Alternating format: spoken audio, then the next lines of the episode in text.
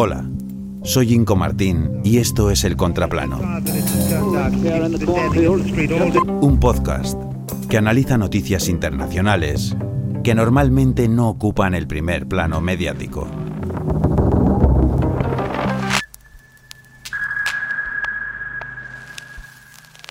La paradoja de Olvers.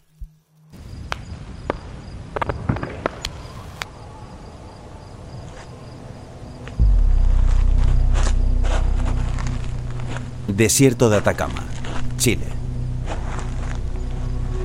Caminas de noche. Te tumbas sobre la arena. Miras al cielo.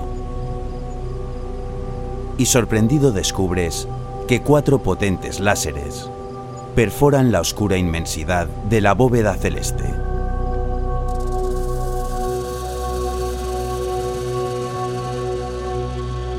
Una imagen que podría ser efecto de haber tomado San Pedro, el famoso cactus alucinógeno de la zona. Pero esa imagen no es mescalina. Es el Very Large Telescope.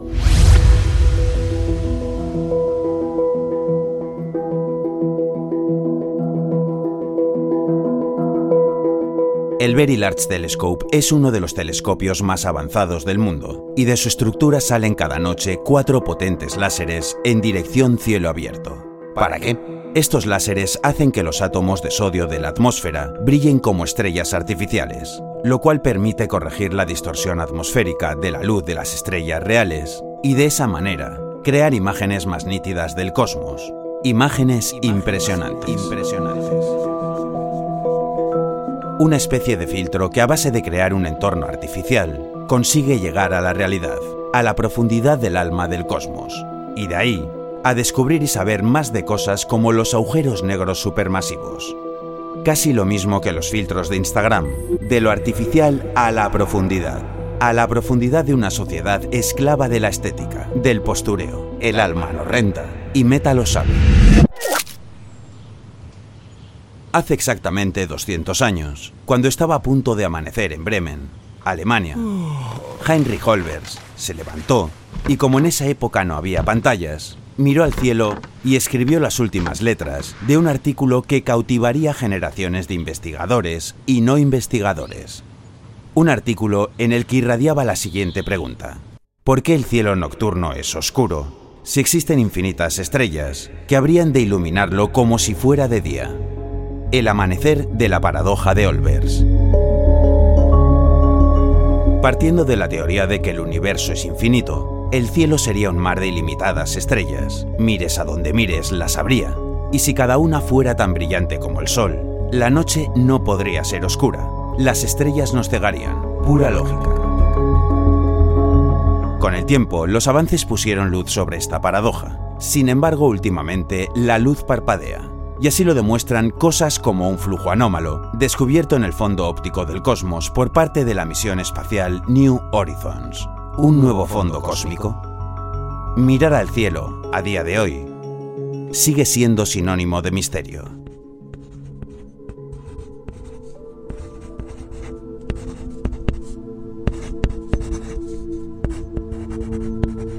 Misterio es una palabra que siempre atrajo a Edgar Allan Poe, al igual que la cosmología y el enigma que planteaba Olbers. Y de ahí nació su poema en prosa, Eureka, una obra que combina metafísica, arte y ciencia. Ha llegado un punto en el que solo la intuición puede ayudarnos. Pero permítaseme repetir la idea, que ya he sugerido como la única adecuada para expresar qué es la intuición. No es sino la convicción que surge de esas inducciones o deducciones cuyos procesos son tan oscuros que escapan a nuestra ciencia, eluden nuestra razón o desafían nuestra capacidad de expresión. Así que qué mejor plan para estas despejadas noches veraniegas que mirar al cielo y buscar más allá o más adentro. Seguro que algo brilla. Y no pierdan el tiempo fotografiándolo, que no se ve nada.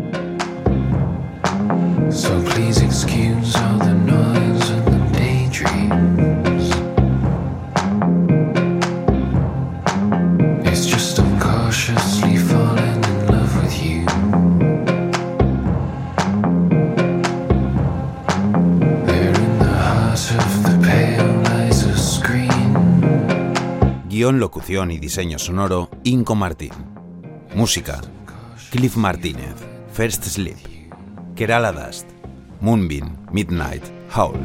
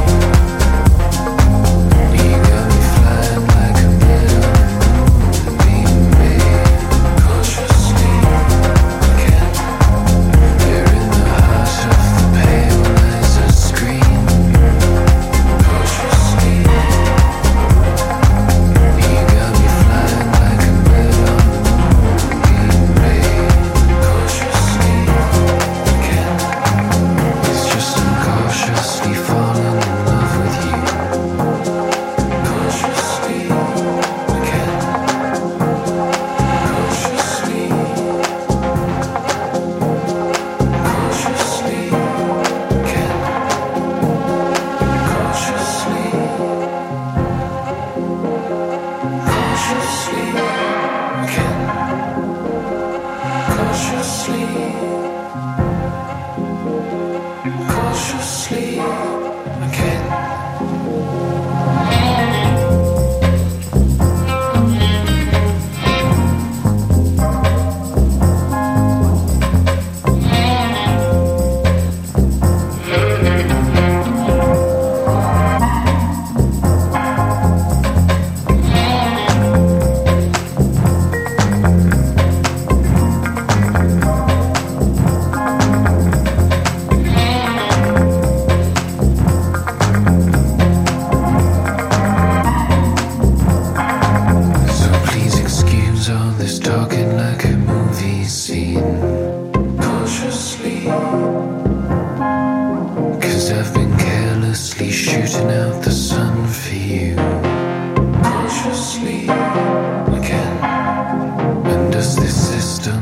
At the seams, cautiously.